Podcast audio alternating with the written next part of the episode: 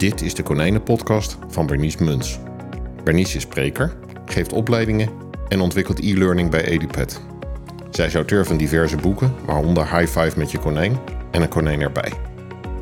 Tijdens deze podcast deelt ze haar kennis, beantwoordt ze vragen van luisteraars en spreekt ze professionals. Ook deelt ze de nieuwste ontwikkelingen op konijnengebied.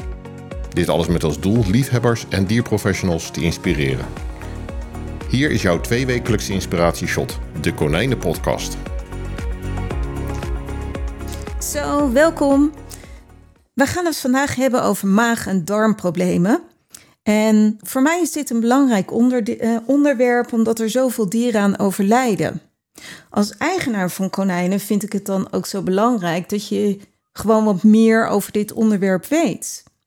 Wat als je konijn niet eet? Wat als het dier droge keutels heeft en weet je dat er van die draadjes en zo tussen zitten? Hoe kun je herkennen dat je konijn buikpijn heeft? En wat als je konijn echt kleine keutels heeft? Wanneer je geen dwangvoeding geven? Nou, dat en meer gaan Fred van de Kolk, die er vandaag gelukkig ook is, wij sparren samen over dit onderwerp. Fred, welkom. Hi Benice. Nou, Fred is gewoon een geweldige dierenarts waar ik ontzettend van hou. Het is echt iemand die buiten de box ook denkt en ook heel veel nieuwe dingen ontwikkeld heeft. Nou, verder laat ik Fred gewoon zelf even zijn voorstel rondje doen. Uh, Fred van der Kolk, ja, uh, staat bekend als uh, konijnendierenarts. ik ben sinds kort niet meer werkzaam als practicus. Uh, maar ik ben nog wel actief in het uh, delen van mijn kennis, geven van onderwijs en in vorm van lezingen en cursussen. En dit hoort er eigenlijk ook een beetje bij, delen van kennis. Ja, echt super blij dat je er weer bent, Frit. We gaan er gewoon een gezellige uitzending van maken. Frit, ik kan me zo voorstellen dat je uh, veel klanten tegen, vroeger tegen bent gekomen met maag- en darmproblemen. Klopt dat? Ja, bijna ieder konijn met een probleem, uh, ongeacht wat het probleem is, is uh, verdacht van ook een mactaanprobleem. Mm. Dat geeft meteen al aan hoe groot het probleem eigenlijk is, toch? Ja, absoluut. Het is een heel groot probleem. Ja. Dat ligt voornamelijk ook aan de konijn zelf. Oké. Nou, dan gaan we zo dadelijk lekker induiken. Stel voor, een klant belt. Fred. Oké, waarschijnlijk komt hij paraveterinair tegen. Mijn ja. konijn eet niet meer. En nu? Nou, de paraveterinair is uh, wat dat betreft goed geschoold. Want die zal zeggen, uh, een konijn dat niet eet is eigenlijk een spoedgeval. Dus je moet vandaag nog komen. Mm. Dat krijgt de klant dan te horen. Oké, okay. dus dan, uh, het is nu acht uur en dan kom om een uurtje of vijf. Kan dat? Liever niet. Oké, okay. Vertel. Uh, het is niet zo dat we een konijn dat niet eet in vijf minuten wel weer aan het eten krijgen. Mm. Soms moeten ze worden opgenomen, moeten ze vocht krijgen. Er moet uh, bijna altijd naar het onderzoek gedaan worden. Vaak onder een licht roesje, omdat konijnen zich niet heel graag laten onderzoeken. Dus het is geen kleinigheid en zeker niet iets wat tegen sluitingstijd even snel gedaan moet worden. Oké, okay, duidelijk. Nou, stel voor, die klant staat inmiddels in jouw spreekkamer. Wat dan? Nou, dan ga je eerst vragen hoe lang bestaat het al. Uh, je gaat, uh, de, net alsof of het een hond of een kat of een mens is, je wil weten wat er precies aan de hand is. Uh, nou is het wel zo dat vaak de cliënt, de eigenaar, wat minder waarneming aan het konijn heeft gedaan dan dat mij lief zou zijn. Mm. Uh, vaak weten ze ook niet eens hoe lang je al niet eet, uh, dergelijke. Okay. Dus, uh, maar goed, al, iedere informatie is meegenomen. En ondertussen onderzoek je natuurlijk het konijn. Je kijkt of het konijntje mager is, of hij een schoon mondje heeft, of je iets raars aan de buik voelt. Gewoon algemeen onderzoek doe je even ja. in de eerste paar minuten al. Oké, okay, en dan stel voor dat het konijn een, zullen we een stilliggende darm als eerste nemen? Ja, dat kun je dus niet zomaar vaststellen bij een konijn dat op tafel zit. Um, vaak is daar eigenlijk een, een voor nodig om te kijken of er veel gas in die buik zit. En soms ligt het maagdarmkanaal stil zonder dat er gas in de buik zit. Dan zit hij vol met eten. Dus uh, daar is al, dan heb je eigenlijk al een fase overgeslagen. Uh, je gaat dus eerst onderzoeken waarom eet dit konijn niet. En dan vraag ik, uh, ziet u nog keutels? Uh, zijn het grote keutels? Uh, nee, meestal zijn het dan wat ik noem muizenkeutels, hele kleine keuteltjes. Ja. En um, ja, er kunnen natuurlijk heel veel oorzaken zijn waarom konijnen niet eten. Ja. Hè, dat kan eh, een gezwel zijn, ze kunnen een smak gemaakt hebben, eh, ze kunnen gewoon een infectieziekte hebben. Dus je moet gewoon eerst een algemeen onderzoek doen hoe het met het, eh, wat er met het konijn aan de hand is, om erachter te komen wat de oorzaak is van het niet eten. Ja, en de rui is natuurlijk ook een dingetje. Dus hoe fijn is het als mensen weten dat die kettingkeutels, die keutels die aan elkaar zitten met haar, dat eigenlijk dat mensen dat, dat al hadden kunnen opmerken, toch? Als Ja. eventueel rui een rol Ja. speelt. Klopt dat? Dus dat ene konijn heeft daar natuurlijk meer behoefte aan vachtonderhoud dan het andere konijn. Ja, Ehm, Het hangt van het type vacht af en het eigen poetsgedrag van het konijn. Maar het konijn kan ook ruzie gehad hebben met een ander konijn. Ja. Eh, soms gebeuren er dingen waar je niks van weet. En ik moet vertellen dat het niet zelden is dat ik helemaal niet kan vinden waarom het konijn gestopt is met eten. Wat de originele oorzaak is. Ja. Ik lees inderdaad ook wel eens op Facebook, weet je, dat mensen een konijn eten geven. Volgens die mensen eten ze gewoon, een uur later komen ze en dan is het konijn opeens heel stilletjes. Ja, Ehm, dus dat het gewoon heel snel in een uurtje Ja. kan gebeuren en dergelijke. Klopt Ja. dat? ja, dat kan. Dan, dan heb je wel. Het gebeurt meestal. eh, duurt het wat langer dat een ziektebeeld zich ontwikkelt. Alleen mensen denken dat het acuut is, omdat ze niet zo goed naar een konijn omkijken. Nou, misschien is dan... Ja, sorry. Het is niet zelden dat er een konijn binnenkomt dat niet eet. En dat is dan eh, zo mager dat de botten bijna door de huid heen steken. Dat is natuurlijk niet iets van een paar dagen. Nee, nee. En het is denk ik ook goed dat mensen nog iets beter gaan kijken naar de keutels. Hoe zien die dagelijks eruit? Je moet eigenlijk iedere dag kijken naar hoe zien de keutels eruit. Keutelt die goed? Wordt er goed gegeten? En het wordt al wat lastiger als je twee konijnen hebt, zoals het wel hoort natuurlijk. Ja. Het ene konijn kan natuurlijk het eten opeten wat het andere laat liggen. Precies. Het is wel zo dat als er één konijn afwijkende keutels produceert, dan zie je die liggen. Dan weet je misschien nog niet welk konijn dat is. Ja. Hè, maar, maar soms eh, is het heel lastig met meerdere konijnen om te zien dat er iets met een konijn aan de hand is, omdat hij niet eet. Ja. En het is denk ik ook goed om te weten als je konijn rustiger is dan normaal, of zijn buik tegen de grond drukt, of eh, anders reageert dan anders, dat je dan in elk geval alle alarmbellen ook af moeten gaan. En dan zou ik ze in elk geval even wat eten aanbieden om te kijken, eten ze in elk geval. Ja, nee, dat, eh, dat ben ik helemaal met je eens. Eh, eigenlijk is. kijk, konijnen zijn geen survivors zoals katten. Hè? Katten die kunnen aangereden worden Mhm. en dan met een achterpoot bundelend aan nog wat pezen achter zich aanslepend thuiskomen. En eh, wij zeggen als dier, als, eh, als je de verschillende stukjes kat in een hokje legt, dan is de volgende ochtend eh, is de kat weer genezen. Katten zijn survivors, die kunnen een heleboel hebben. Konijnen kunnen weinig hebben. Bij cavia's is het nog erger. Ja. Maar konijnen kunnen niet veel hebben. Dat zijn, dat, dat zijn geen overlevers, omdat ze, als ze eenmaal gepakt zijn als prooidier, dan is het afgelopen. Ja. Dus die, die, die, die houden zich eh, flink, maar ze kunnen niet zo heel veel hebben. Oké, dat zou dus eigenlijk. Klopt het dan dat je zegt dat eh, zodra er iets van stress is, dat je kans hebt op maag-darmproblemen en dat je daar eigenlijk al alert zou op moeten zijn? Klopt dat? Ja, ja er zijn eh, drie factoren. Ik zei net al aan het begin van het gesprek eh, dat het eigenlijk de schuld van het konijn zelf is. Mhm. waarom eh, ze zo vaak eh, niet opknappen na behandeling. Je, er komt een konijn dat, dat eet niet. Nou, we weten allemaal dat konijnen hebben doorgroeiende tanden en kiezen. Daar gaat het heel vaak fout, omdat ze hun eten dan niet goed kunnen verwerken als daar Mhm. een afwijking mee is. Dat is natuurlijk een ander onderwerp.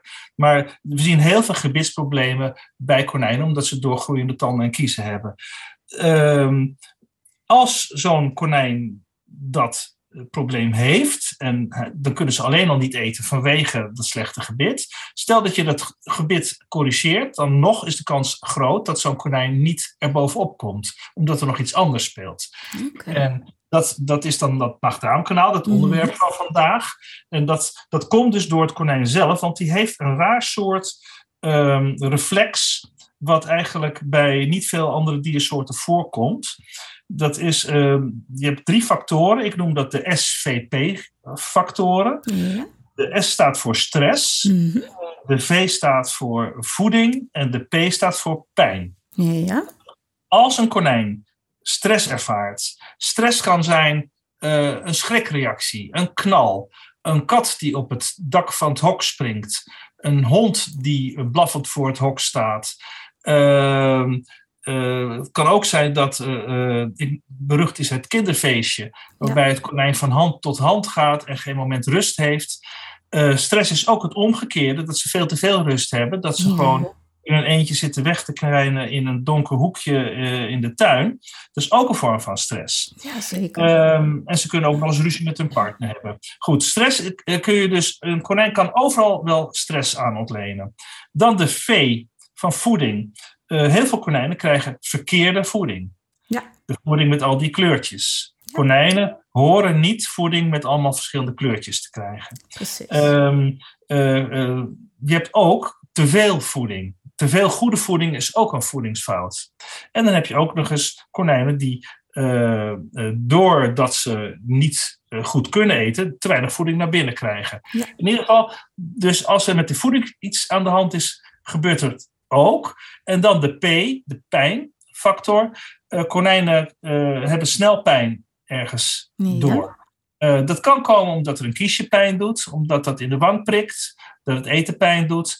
Eh, het kan komen omdat ze een, eh, een, een gezwel ergens hebben, een tumor, Mhm. of een steentje dat eh, vastloopt, of dat, dat dan op een of andere manier pijn doet. Konijnen hebben heel vaak pijn in hun rug, omdat het konijnen eh, ruggen zijn niet gebouwd op de enorme krachten die de achterpoten daarop kunnen overbrengen. Dus ze hebben vaak slijtage aan de rug. Mhm. Maar ook als die niet versleten is, ze kunnen enorme kracht op die rug zetten, waardoor ze gewoon rugpijn hebben. Dus ook pijn. En dan heb je ook nog eens de dierenartsen die vaak roekeloos wild met die dieren omgaan, eh, zonder een roesje te geven, allemaal dingen doen die ook nog eens pijnlijk kunnen zijn. Niet genoeg pijnstilling na een operatie. In ieder geval, die stress, die voedingsproblemen en pijn geven bij het konijn allemaal een vertraagde werking van het maag-darmkanaal. Ja. Normaliter is het maag-darmkanaal eh, iets dat continu beweegt van voor naar achter. Een Mhm. soort eh, eh, massage van voor naar achter. Het begint al bij de slokdarm en het eindigt bij de anus. Komt, het eten komt er in de mond in en uit de kont weer uit. En dat kan alleen maar als het maag-darmkanaal actief is. Ja. Dat maakt bewegingen van voor naar achter. En die bewegingen worden zwakker als er dus eh, van die factoren spelen zoals ik net zei. Ja. Bij mensen komt het ook nog wel eens voor dat onder stress eh, dat die buik even stil gaat liggen. Dan krijg je opgeplaatste buik. Mijn vader had dat vroeger, als er wat spanning op het werk was, dan had die, kreeg je een dikke buik en dan ging het even stil liggen. Dus mensen kunnen het ook een beetje hebben, maar konijnen hebben het veel meer. En als dat maag-darmkanaal dan minder actief wordt, dan, eh, dan krijg je eh, de gassen die daarbij eh, bij de spijsvertering optreden, die kunnen niet weg. Dus die gaan dan een, ehm, het, die, gaan, die darmen en die maag die gaan dan uitzetten. Ja. En dat doet op zich weer pijn. En dan heb je dus een zelfversterkend proces. Ik noem dat SAS, het secundair atonie-syndroom Mhm. Het dus als reflex stil gaan liggen van het maag-darmkanaal door prikkels van elders. Ja. Die prikkels die hoeven dus helemaal niet uit het maag-darmkanaal zelf te komen. Eh, ik heb echt meegemaakt dat eh, konijnen gewoon tot bijna stervens aan toe eh, doodziek waren van een eenmalige schrikreactie. Ja, verschrikkelijk hè. Dan zie je eigenlijk hoe kort konijnen nog maar gedomesticeerd zijn in verhouding Ja. met honden en katten eigenlijk. Ja. Ja. Dat is dus hun zwakke plek en dat is een, eh, eh, ook een, een, een crime, een hel voor dierenartsen. Ja. Want eh, los van dat het onderwijs nog steeds tekortschiet eh in, bij deze diersoort, Mhm. eh, maakt het konijn de dierarts ook niet echt makkelijk. De, het, is niet zo, het is veel makkelijker om een diagnose bij een hond of een kat te stellen dan bij een konijn. En dan inderdaad ook nog eens, als je de diagnose hebt, en je gaat alleen maar bijvoorbeeld het gebit behandelen, dan, en je hebt niet door dat dat maag-darmkanaal misschien niet goed functioneert, dan knapt zo'n dier niet op. Dus je moet altijd aan het maag-darmkanaal denken. Ja. Het is dus best een complexe patiënt. Ook omdat je met klanten zit die Ja. niet volledig begrijpen en financieel soms ook lastig zitten. Gewoon het ook niet verwachten. En dan natuurlijk de zaken als stress, voeding, pijn, die best wel heel uitgebreid zijn. Om daar een goede historie van uh, te vinden en te zoeken. En dan kan nou, mijn, ja. Mijn advies is altijd om bij een konijn waar je dus niet 1, 2, 3 ziet wat er aan de hand is, om daar een röntgenfoto van te maken. Je ziet dan uh, heel duidelijk de situatie van het maag-darmkanaal, want je kunt gasophopingen heel goed zien op een röntgenfoto. Mm -hmm. Stel dat je niks anders vindt, dan kun je ook aan de cliënt laten zien: kijk eens, er is wel degelijk iets aan de hand. Dit moeten we aanpakken. dan, dan, dan zijn mensen ook eerder gemotiveerd om dat aan te pakken. Want aan de buitenkant kun je dat niet goed zien of ze, of ze vol met gas zitten. Heel soms wel, maar niet altijd. Bovendien zie je op die rugfoto op de een of andere manier heel vaak de oorzaak waarom je niet is gaan eten. Waarom je gestopt is met eten. Een breukje van de ribben bijvoorbeeld. Een vergroeiing in de rug. Ja ik heb zoveel diagnoses gesteld. Steentjes in, in uh, urinewegen, zonder dat er plasklachten zijn. Je ziet ontzettend veel op een röntgenfoto van een konijn. Uh, zoveel dat je daar vaak een diagnose op kunt stellen. Dus het is eigenlijk mijn eerste diagnostiekmiddel. Kan gewoon bij een wakker konijn. Ja. En dat is uh, in tien seconden gemaakt. Het, is, het, is een, uh, het alternatief is bijvoorbeeld echodiagnostiek. Maar dan zit je een mhm. kwartier met zo'n uh, sensor op zo'n kaalgeschoren buikje te, te, te pielen. En dat vinden die konijnen helemaal niet leuk om een kwartier op hun rug te liggen om zich te laten echoen. Ja. Terwijl zo'n foto is in een seconde gemaakt. En je kunt er drie kwartier lang naar kijken totdat je wat gevonden hebt. Oké. Dus dat is mijn advies. Je motiveert de cliënt. Um, om, je, om het konijn te kunnen behandelen, omdat je bijna altijd wel een diagnose daarop stelt. Ja, en het voorkomt ook dat mensen zomaar dwangvoeding gaan geven, want soms mag je dat wel en soms mag je dat niet, toch? Kun je daar wat meer over zeggen? Ja, zeer zeker. Dat is leuk. Dat zie je dus ook op die röntgenfoto. Uh, er zijn een hoop konijnen die uh, ook een stilliggend maag-darmkanaal hebben, dat helemaal vol met voedsel zit. Waarom zou je daar iets bij proppen? In de, uh, in de darmen uh, gaat gewoon, uh, ook al liggen ze stil, kunnen de bacteriën nog steeds zorgen dat er toch enige spijsvertering is en dat konijn nog steeds voedingsstoffen kan opnemen mm -hmm. vanuit het maagdarmkanaal naar de bloedbaan. Dus zo'n konijn zit helemaal niet te wachten om nog eens bij die volle maag en darmen nog wat eten erbij gepropt te krijgen. Het lijkt me ook verschrikkelijk pijnlijk. Het lijkt me heel vervelend. Ja. Dus als je een redelijk gevuld maagdarmkanaal ziet, hou op met dat dwangvoeren. Wat konijnen vaak wel nodig hebben, is vocht. En warmte, denk ik. En warmte. Want bij een van de dingen van het eerste onderzoek bij een konijn is temperaturen. Ja. Konijnen hebben eigenlijk nooit koorts. Mm in heel zeldzame gevallen. Bijna alle konijnen hebben ondertemperatuur als iets aan de hand is. En dat geeft ook weer een vertraging van het maag Dus altijd goed temperaturen. En bijna altijd moeten ze vocht hebben. Want konijnen drogen niet uit. Je gaat het niet aan de huid zien, maar ze drogen in. Ze krijgen dus een, een harde maagdarminhoud. Ja, dus je ziet eigenlijk aan de buitenkant zie je niks. En aan de binnenkant gebeurt er heel veel. Waarbij je in het begin in elk geval niet heel veel ziet. Tenminste, nee, klopt. ik denk wel dat je wat ziet, maar niet iedereen valt wat op, denk ik. Nee, klopt. Dat is waar. Ja. Oké, dus als je konijn niet eet, niet zomaar dwangvoeding gaan geven, eerst die röntgenfoto, eerst naar de dierenarts en dan pas samen kijken, weet je, wat, er, wat is er in dit geval nodig? Ook omdat er zoveel andere dingen nog aan de hand kunnen zijn, toch? Ja, precies. En als je dan zo'n konijn hebt dat niet eet. Hè? Het klassieke voorbeeld. En ik vind niks op die foto. Mhm. En ik vind niks bij mijn onderzoek. Dat is geen schande. Een heleboel collega's hoeven zich niet te schamen als je goed onderzoek doet en je vindt niks. Oké. maar hoe ga je zo'n konijn dan helpen? Weet je dat een heleboel konijnen dan een kuurtje meekrijgen? Ja, ik denk dat heel veel dierenartsen dat zouden doen, toch? Ja, ja, ja. maar ik, uh, de, ik, ik heb heel veel antibiotica voorgeschreven voor konijnen, maar alleen als het echt nodig is. En het is echt uh, maar één op de twintig gevallen dat dat nodig is. Oké, maar ik bedoel, ik denk nu aan diarree. Diarree bij mensen kan vaak bacterieel zijn. Bij konijnen is dat niet zo. Heeft het daar dan iets mee te maken? Of sla ik nu volledig de plank uh, mis? diarree bij konijnen. Uh, er zijn eigenlijk twee oorzaken dat een konijn echte diarree krijgt. Dat is meestal een parasiet, een eencellige parasiet. Ja. Dan hebben we het meestal bij over jonge konijntjes. Coccidiose heet die ziekte. Een andere oorzaak van diarree, dat is vaak een dodelijke diarree, is het geven van antibiotica waar een konijn niet tegen kan. Ja. Dat is vaak dodelijke diarree. Wat men heel vaak diarree noemt, dat zijn die zachte keuteltjes, Ja, die ze per dag produceren. De leukotrofen. En uh, die eten ze zelf op. Als het goed is, vind je die dus nooit. Ja. Hè? Maar als, een, als er iets is met die rug of met de mond of met het eten, dan blijven die keuteltjes plakken aan de kont. En dat noemen de mensen diarree. Maar je hebt een verschil tussen kesotrofen. Dat, zijn, dat wordt, ja, dan zit de konijn vaak even stil. Die gaat met zijn kop naar de anus toe. Die pakt die kesotrofen en eet dat op. Omdat hij daar nog een tweede ronde voedingsstoffen uithaalt. En je hebt diarree. En diarree is een beetje breiachtig. En je die heel zou vinden... dan zijn het een soort van druiventrosjes... met kleine, zachte, plakkerige balletjes aan elkaar, zeg maar.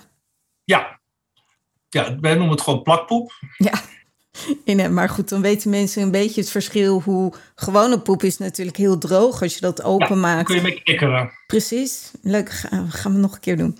En Ja. dan de kesotrofen en diarree, dat zijn mogelijkheden eh, wat je kan vinden. En waarvoor ik zeker in elk geval de laatste twee een dierenarts over zou contacten. Als je één kesotrofe vindt, kan dat altijd een keer. Ja. Ehm, een konijn wat een keer wegvlucht en net met een kesotrofe bezig was of dat, wat dan ook. Maar als je meerdere vindt, zou ik zeker contact opnemen met een dierenarts. Ja, klopt. Dat zie je ook al. Ze laten dat vaak ook eh, zitten als je dus eh, te veel voeding krijgt of verkeerde voeding. Dan eten ze ook niet altijd die keuteltjes graag op. Misschien omdat er te veel van gemaakt worden. Misschien omdat ze ze niet, niet helemaal lekker vinden. Dat Bij weet ik te niet. veel aan eiwit wordt er gezegd inderdaad. Precies. Ja. Ja, dus eh, een, een heleboel mensen geven hun konijnen niet afgewogen te eten. En ook al is het goede voeding, eh, als het te veel is, dan is dat toch een overbelasting van het maag-darmkanaal. En dat Ja. kan dus ook die secotrofen geven die eh, te veel zijn of, of die niet opgegeten worden. En ehm, ja, je krijgt dan nog, als het vaker gebeurt, krijgt het konijn gewoon vetzucht. En het geeft ook weer een trager maag-darmkanaal. We hadden het over die stress, voeding en pijnfactoren. Mhm. Eh, die, eh, die kunnen ook met elkaar op een kwaadaardige manier samenwerken. Oké. Eh, ik zal een voorbeeld geven. Een konijn dat altijd slechte voeding krijgt, zal bij een geringe pijnprikkel al eerder een stil darmkanaal krijgen.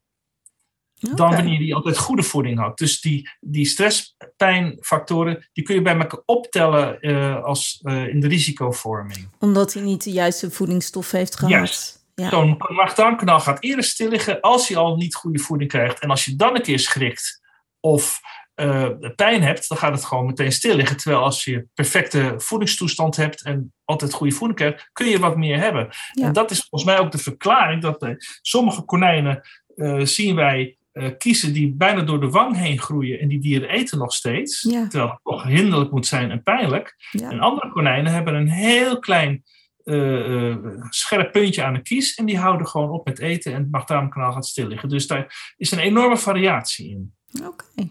Oh, die is ook nieuw voor mij. Dankjewel. Ja. En ehm, wat denk ik ook goed is om te weten, dat eh, als konijnen ehm, al wat minder goed eten of, of elk geval die haren zeg maar hebben tussen de keutels, dat het fijn kan zijn om konijn gewoon simpelweg één lijnzaadbrokje te geven. Geef er niet te veel van, want dan kan een konijn weer diarree krijgen. En maximaal drie per konijn voor de grote konijnen en één voor de kleine konijnen. En eventueel eh, zonnebloempitten. Maximaal vijf verspreid op een dag voor kleine konijnen en maximaal tien voor grote konijnen. Zelf geef ik deze dingen niet standaard. Alleen als, eh, als ik echt zie dat die keutels gewoon aan elkaar zijn. Zodat je eigenlijk voorkomt dat die van een kettingkeutel naar steeds kleinere keutels gaan. Jij nog toevoegingen, Fred? Eh, ja, ik, ik zie dat iets anders. Mm, Eh, ik zie de, de, de steeds kleinere keutels zijn het gevolg van het eh, langzamer gaan werken van een maag-darmkanaal. En ook het gevolg van de indroging van de, de keutels, de darminhoud. Die worden dan inderdaad hard. Die gaan echt als konijnen, als muizenkeuteltjes uitzien. Ja. Het aan elkaar plakken kan ook slijm vanuit de, de blinde darm zijn. Mm -hmm. Uh, natuurlijk kun je inderdaad ook van die harenkettingjes krijgen. Maar ik noem het rozenkransjes, die keuteltjes. Maar dat is in mijn optiek niet per definitie voorbehouden aan een, een harenprobleem. Ik zie het dus ook bij konijnen met problemen van de blinde darm. Mm Maar daarvoor zou je dus ook die keutels goed moeten onderzoeken, bijvoorbeeld. Oké, okay, zou dan een klant met zo'n kettingkeutel uh, gewoon mee kunnen nemen en die kunnen laten onderzoeken? Of wil je dan meteen het hele konijn ook hebben? Eigenlijk liever wel. Ja. Ja, eigenlijk liever wel. Want de, die ketting die wordt ook vaak gevormd door een taai slijmsoort. Ja. Dat is niet altijd per definitie door haren veroorzaakt. De haren kunnen natuurlijk wel een groot probleem geven. Je had het over een konijn dat uh, van het ene op het andere moment eigenlijk doodziek is. Mhm. Uh, uh, er komt wel eens, komt van tijd tot tijd voor dat toch plukken haar tot een soort balletje gesmeed worden. En dat die vastlopen op het einde uitgang van de maag. Ja. En dan heb je een acuut uh, acute verstopping van de maaguitgang naar de darmen.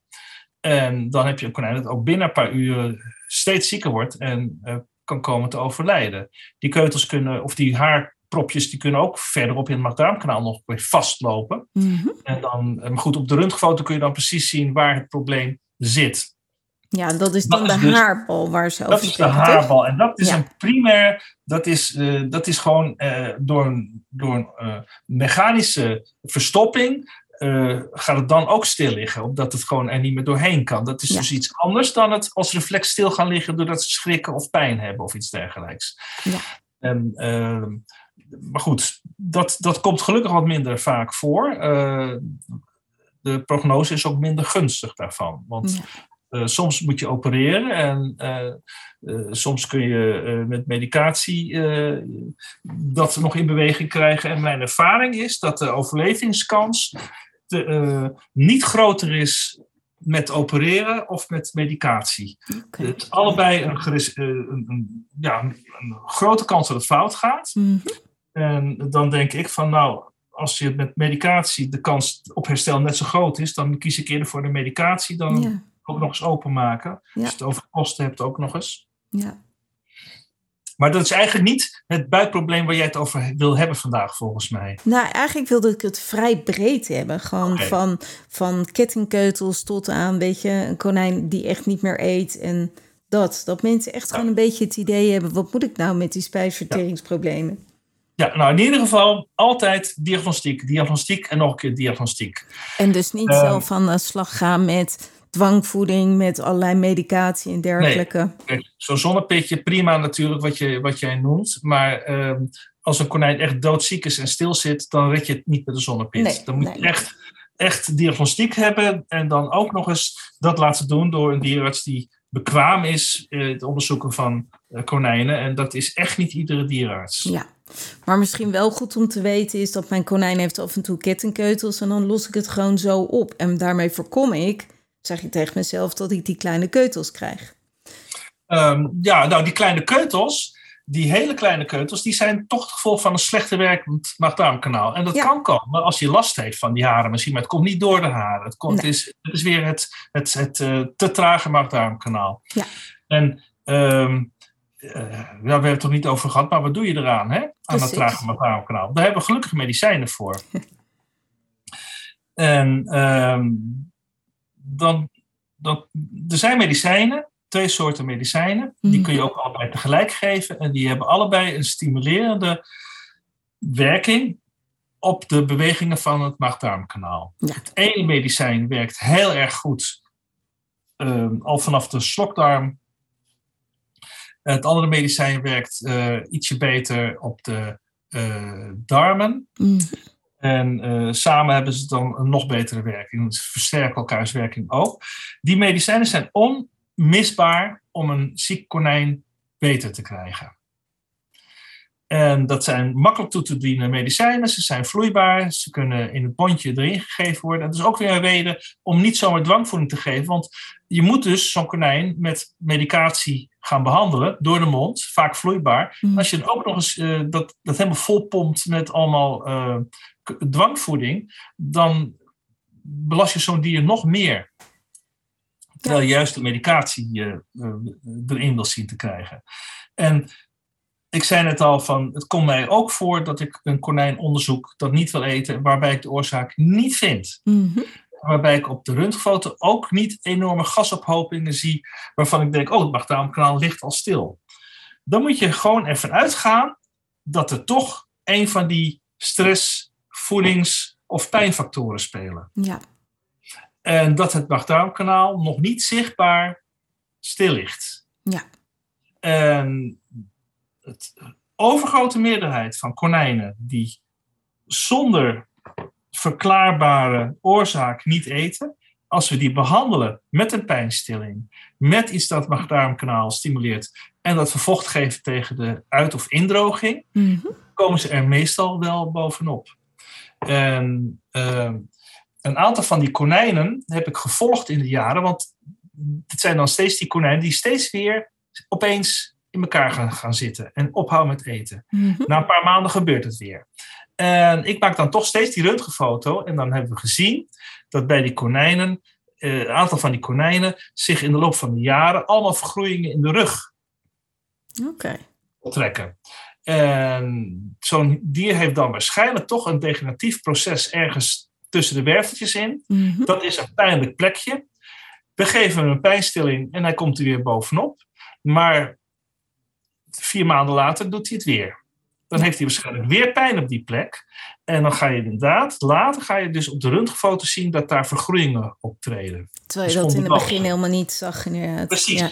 Ja. Maar eh, dat is voor mij een aanwijzing dat een aantal van die konijnen waarbij je niks vindt, ook niet op de röntgenfoto, wel degelijk ergens een pijnoorzaak kan zijn. Ja.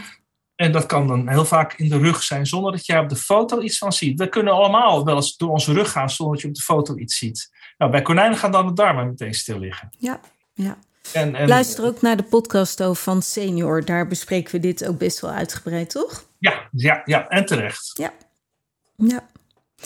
Oké, duidelijk. Dus altijd ook pijn in de gaten houden.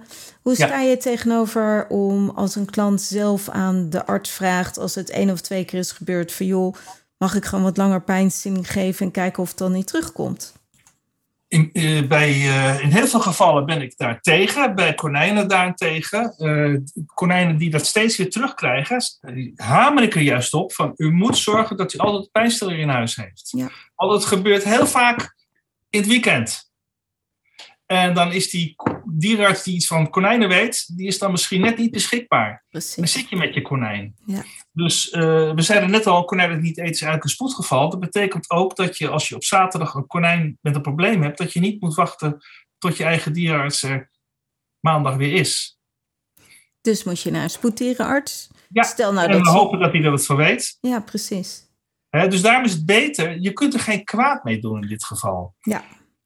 Altijd dat nachtdarmstimulans in huis hebben en die pijnstilling. En eh, die mensen die zien het alweer aankomen, die kennen hun konijn. En die denken, het, oh god, het is weer zover. Ja, En dan ben ik heel blij dat ze dat in het weekend zelf kunnen gaan geven. zeker. Wil jij dan nog de namen noemen van die? Of vind je dat te veel merknamen? Eh, ik kan de werkzame stoffen noemen natuurlijk. Dan, dan, eh, dat is de, de, de, het middel dat heel krachtig op de maag werkt. Dat is eh metoclopramide. Mhm. En het middel dat heel goed op maag en darmen werkt, dat is cisapride. Ja. En die beide middelen kun je tegelijk ingeven. En, of een van beide afhankelijk van hoe het zit. De meeste mensen redden het met de cisapride. En de pijnstillers, dat is, eh, dat is eh, voor konijnen de beste pijnstiller om zelf te geven, is de werkzame stof meloxicam. Er zijn iets van acht merken die dat hebben als werkzame stof. En het is allemaal goed vloeibaar in te geven. En als je dat in de therapeutische hoeveelheid van 1 milligram per kilogram geeft, want veel mensen geven te weinig. Als je dat een week geeft, is er helemaal niks aan de hand dat een konijn daar niet tegen kan. Oké. En hoe zit het dan met, eh, geven we één of twee keer per dag pijnstilling? Ehm, in wezen eh, is het eh, twee keer per dag het meest elegant. daar is nog steeds volgens mij veel meningsverschillen over. Of, en ik denk ook wel dat je zou moeten kijken hoeveel stress is het voor mens en konijn om dat te geven. Ja, geef dan gewoon de dubbele dosis in één keer. Ja. je hebt ook, ook mensen die moeten een half uur achter een konijn uh, rondjes rennen voordat ze hem uh, te pakken hebben. Of uh, uitgraven, weet ik van. Ja, goed, de andere kant, als een konijn zo hard rent, valt ook wel weer mee. Maar uh, optimaal is, uh, is inderdaad de maagdarmstimulans drie, vier keer per dag en de pijnstilling twee keer per dag. En daar moet je gewoon van afwijken op, op grond van hoe het gaat met het konijn. Ja. Of, of het lukt. Ja. Wat misschien ook wel leuk is om te weten dat als je naar EduPet gaat en je googelt op EduPet en dwangvoeding, dat je dan helemaal ziet hoe je ook een bunny wrap kan doen. Dus hoe je makkelijk of dwangvoeding, maar ook pijnstilling en andere medicatie kan geven. En dan krijg je gewoon een whitepaper die je gewoon kan downloaden. Dus misschien goed om te weten. Sommige ook, goed is om, ook goed is om te weten als je uh, toch dwangvoeding wil geven. Mm -hmm. En je hebt het niet in huis of de dierenartsen dicht. Uh, uh, wat altijd veilig is, is ook Olvariets wortelhapje. Ja. Kun je gewoon veilig ingeven. Er zit natuurlijk wel meer suiker in, maar als je het niet hebt, dan. Die suiker die kunnen ze prima gebruiken. Okay. Want suiker heb je, heb, heb je ook nodig voor je stofwisseling. Ja. Dus uh, zoveel suiker. En de vezels zijn lang genoeg Precies. om toch enige stimulans voor het uh, maag-darmkanaal uh, te Oké, okay, geven. mooi. Uitgezocht bij Nutritia. Dat die lang genoeg zijn om. eh, dus in wezen is dat ook nog veilig eh, om achter de hand te hebben. Oké, okay. het is normaal iets wat ik niet aanraad, maar het is leuk om te horen dat ook de vezels lang genoeg zijn. Ja, ja je ziet ze niet met blote oog, maar zo lang hoeven die vezels niet te zijn. We denken dus aan, aan hele stukjes uh, hooi, maar die vezels dat zijn echt. Uh, uh, 0,3 mm, toch? Ja, ja, ja, precies. Nou, en Ja. zo lang zijn die vezels van het wortelhapje wel degelijk. Kijk, weer wat geleerd. Hartstikke goed. Misschien nog even iets zeggen over Invasol? Of Eh, Invacol? Invacol wil ik wel iets over zeggen. Eh, wat, eh, ik, ik vind het eh, volstrekte flauwekul. Mhm. En waarom? Invacol is een op oppervlaktespanningverlager. Dat is dus als je Invacol op schuimend zeepsop doet, dan verdwijnen de belletjes. En, eh, bij paarden, eh, als die te veel klaver eten of iets dergelijks, dan krijg je dus allemaal van die schuimbelletjes in het maagdarmkanaal. En met, met iets als Invacol slaan die belletjes weer neer en verdwijnt dat schuim. Maar bij konijnen ligt het maagdarmkanaal stil, omdat het stil ligt. Niet omdat het vol met schuim zit. Dus het, ehm, het doet eigenlijk niks tegen het probleem wat er speelt. Het kan geen kwaad overigens, maar ik zei net al, je moet een konijn vaak al veel medicatie geven. Dus waarom zou je dan iets bijgeven wat eigenlijk niks doet? En het En- is natuurlijk wel meer stress, denk ik zo. Ook weer ja. En ik weet, ik weet dierenartsen die leveren het aan, eh, toch aan eh, konijnenhouders, omdat eh, de, konijnenhouders, an- de konijnenhouder zegt: als u dat niet geeft, dan bent u geen goede konijnendierenarts. Ja. Oké, nou duidelijk denk ik zo. Dankjewel. Ja. Dat was het over Invacol. Ehm ananassap, nog zoiets? Dat is ook een hele leuke. Ja, ananassap is geen gootsteenontstopper. Ehm ananas, het enige positieve van ananas, ananassap is dat er eh, water in zit. Er, zit, er komen stoffen, eh, eh, er zitten stoffen in die wat eh, oplossend vermogen zou hebben.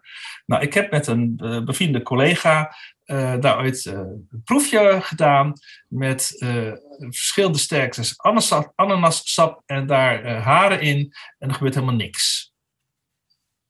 Oké, nou dat... Dat echt Helemaal niks. En dan kom je ook eigenlijk, waarom zou je ananassap geven? Omdat het de naam zou hebben, volgens mij, dat het die, die haren wat oplost. Klopt. Of, ja, Klopt, dat maar- wordt gezegd. maar we hebben net vastgesteld dat de meest stilliggende maagdarmkanaal eh, van het konijn, dat de meeste oorzaak niet een haarbal is, maar dat het gewoon reflectoir stil gaat liggen door andere prikkels. Ja. Dus met ananassap los je dat niet op.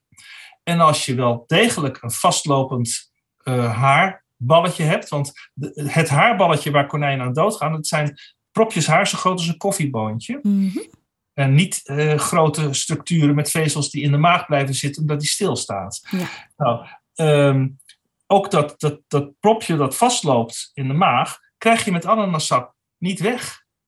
Dat is een acuut spoedgeval en dan moet binnen een paar uur moet het opgelost zijn. En stel dat het ananasap in een aantal dagen het zou kunnen verweken, dan, Dan- heb je geen levend konijn meer. Nee. Dus ook daarmee belast je konijn daar niet mee. Oké. Nou, hebben we in elk geval ook twee mythes, denk ik, zo aangepakt. Ja. Ehm, ja, ik wilde nog even over buikmassage hebben. Wat is jouw ervaring daarbij? Weinig. Mhm. Ehm, ik denk dat als je het zachtjes doet, dat het eh, voor een konijn prettig kan zijn. Maar het is, eh, als je het niet goed doet. eh, ik neem aan dat je buikmassage bij een stilliggend maagdarmkanaal. Precies. Nou, stel dat daar forse gasbellen zitten, dan moet je natuurlijk wel uitkijken dat je met je buikmassage niet de gasbel van de ene plek naar de andere masseert. Dan krijgt hij daar weer pijn. Ja. Dus je zult dat heel zachtjes moeten doen. Eh, maar ik heb er persoonlijk geen ervaring mee. Dat komt ook omdat ik zelf geen konijnen verzorg. Alleen mijn eigen konijn heb ik verzorgd en dat had nooit last van zijn maagdarmkanaal. Oké. Ehm, Waar jij het over? ja, ik, ik vind dat je daar soms hele goede ervaringen of Ja. heel, heel goed is en soms niet. Ik Ja, denk ik dat de mensen die sensitief zijn en het konijn ook een stukje keuze laten, dan Ja. vind ik het heel erg mooi. En als konijnen het niet willen of mensen zijn niet gewend om te masseren, dan heb ik liever dat ze het niet doen. Want dan denk ik juist dat het heel veel schade kan doen. Niet alleen intern, maar ook tussen de, voor de band tussen het konijn en zijn eigenaar. Het is weer zo'n stressfactor, hè? Dus Ja. het zal dan juist niet eh, het effect hebben waarvoor je het doet. Dus Precies. Eh, en eh, kijk, jij noemt het woord sensitief. Ik denk ook dat je een zekere konijnkundigheid Ja. kunt ontwikkelen. Als je heel veel. eh, want ik heb, ik, ik heb twee verschillende soorten, of drie verschillende soorten klanten. Eh, welwillende klanten, mensen die konijnen eigenlijk allemaal veel te duur vinden. En mensen die dus van alles met een konijn doen. Ja. Ik denk dat jij bij die laatste groep hoort. Ja, maar die mensen, voor die mensen heb ik ook nog wel eens eh diamantveiltjes besteld. Dat ze zelf het gebit van een konijn rustig kunnen bijveilen. Ja, daar hebben we het wel eens over Die gehad. drie weken naar mij toe hoeven te komen. Hè? Maar die ga ik niet zomaar aan iedereen van, nou doe het zelf maar. Nee. Hè? Je ziet hoe die mensen, en als ik zie, als ik zie hoe, hoe die mensen dan ook fysiek met een konijn omgaan, dat is fantastisch om te zien. Nou, kijk, zulke mensen mogen voor mij eh, de buikjes masseren, ja. Kijk, ik ben voor. En Ja. mocht je dat willen, geven we ook nog cursus daarin. Eh, Judith Hofman van Kinomassage geeft daar les in. En in juni hebben we weer massagedag. En ik heb soms echt kleine wondertjes daar zien te gebeuren. Dus als je tot die klantengroep hoort waar Frit het over heeft, dan kan ik je echt van harte aanraden om dat te volgen. Er is nog één ding wat ik dacht nog te benoemen: water.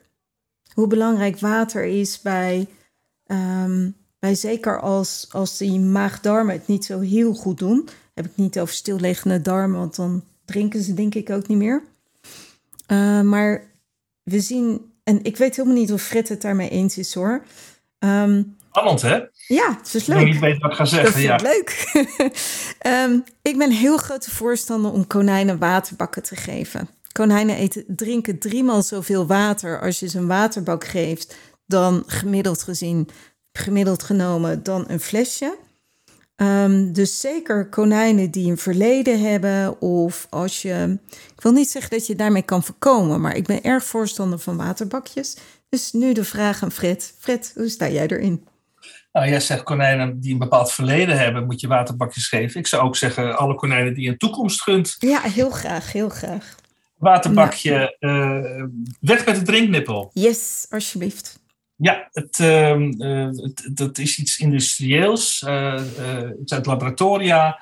Ehm, die, dingen lopen leeg voordat je het weet. Ja. Eh, de konijnen gaan er raar mee dingen zitten doen. Ze kunnen er zelfs nog wat eh, gas eh, in gaan slikken en zo. Ehm, ze drinken er te weinig van. En ja, dat is natuurlijk wel weer leuk om daar eh, een hele podcast aan te wijden. Konijnen hebben een heel eh afwijkende stofwisseling wat het calcium betreft. En die, eh, dat zijn echte notoire steenvormers. Dus hoe minder ze drinken, hoe eerder ze een steentje zullen gaan vormen. Ja. En we zien, eh, ik zie bij geen één diersoort zoveel eh, stenen in, het, in, het urine, in de urinewegen als bij konijnen en cavia's. Dus laat ze lekker veel drinken. Inderdaad, vanuit een drinkbakje. En ehm, ja, Bernice, ehm, ik weet uit ervaring wat een puinhoop konijnen en drinkbakken in één ruimte kunnen veroorzaken. Ja. Heb jij daar een oplossing voor? Dat heb ik. Ehm, kijk, voor mij is het makkelijker omdat konijnen bij mij loslopen. Dus ik heb niet zoveel puinhoop uh, en waterbakken. Niet meer. Mijn konijnen zijn ook volwassen, dat helpt ook. Bij jonge konijnen zou ik papegaaibakjes nemen. Zo, zo noemen ze als je googelt op papegaaibakjes. Die kun je vastmaken. Die kun je ook wat uh, hoger vastmaken, zeg maar. Als je denk even aan een traliekooi, hebben ze een soort mogelijkheid om die vast te maken, waardoor, je, waardoor die dus niet op de bodem hangt, maar net even wat hoger. Dat scheelt. Je kan natuurlijk ook een zware waterbak nemen. Ik heb zelf heb ik een grote hondenbak. Uh, nou, ik heb ook een Vlaams reus. Die is echt wel in staat om die uh, alle uh, kanten van de kamer heen te smijten, maar dat doet hij niet meer. en is dat wel zo, dan zou ik gewoon zorgen voor iets wat of gewoon niet te verslepen is, een hele zware bak. Of ergens vastmaken, zodat ze dat niet kunnen doen. En je kan altijd in noodgevallen twee waterbakken neerzetten. Of toch een waterbak en een flesje. Weet je, dan, dan, ja, dan heb je een beetje van beide, zeg maar. Ja, zo heb ik het gedaan. Wij eh, hadden voor ons konijn een hele zware stenen honden drinkbak. Ja, precies. Ja. Dat ging uiteindelijk goed. Ik heb voor twee konijnen heb ik een 500 milliliter bak. En uh, die vervang ik twee keer per dag. En dat is ook echt nodig. Ja. En wat water betreft, uh, onderschat niet hoeveel water een uitgedroogd of ingedroogd konijn moet hebben. Mensen zeggen van, nee, uh, ik geef hem thuis wel met, uh, met de spuitjes steeds water. De hoeveelheid die je moet geven is zoveel meer dan je denkt. Dat moet echt met een infuus onder de huid worden ingegeven. Ja. Een uitgedroogd konijn. Je ziet dan ook echt zo wat een konijn met een bult erop. Hè? Je ziet ja. die waterbult uh, ja, in het begin. die is uh, ja. echt uh, al heel snel weer weg. Maar dat is gewoon niet te doen door dat door de mond in te geven. Oké, okay. kortom, geen water met waterspuitjes. Maar gewoon nee, even dan terug naar de dierenarts gaan. Ja. Yes. Ja, dat is levens, ja. Ja. Heb jij nog iets toe te voegen, Frit? Voordat je een konijn neemt, informeer je over wat voor zorgen een konijn met zich meebrengt. Het zijn geen makkelijke dieren. Een hond of een kat houden is veel makkelijker. En als het konijn ziek is, is het duurder dan een kat te behandelen. Dus koop een konijn als je zelf een konijn wil. Niet voor je kinderen, als je zelf een konijn wil. En informeer je. Nou, dat zijn heftige stichtende woorden. Ja, maar ik ben het er zo 100% mee eens. Dus ik sluit hier ook heel graag mee af. Ja, absoluut. Heel veel dank dat je er was, Fred. Dank je wel voor al je wijsheid, kunde, gezelligheid en nog veel meer. En graag tot volgende keer. En voor jullie net zo goed. Tot gauw weer. Superleuk dat je weer naar mijn podcast luisterde. Dank je wel ook. Het is mijn missie om het welzijn van konijnen naar een hoger niveau te tillen en konijnen en mensen samen meer plezier te laten beleven. Wil jij nog meer inspiratie? Lees dan een van mijn boeken. Of kijk op edupet.nl voor al onze cursussen en opleidingen. Misschien vind je het prettig om alle afleveringen overzichtelijk onder elkaar te hebben? Abonneer je dan op deze podcast. En heb jij nog meer vragen over konijnen die ik tijdens een uitzending kan behandelen? Stuur mij dan een berichtje op contact.berniesmunt.nl Tot over twee weken.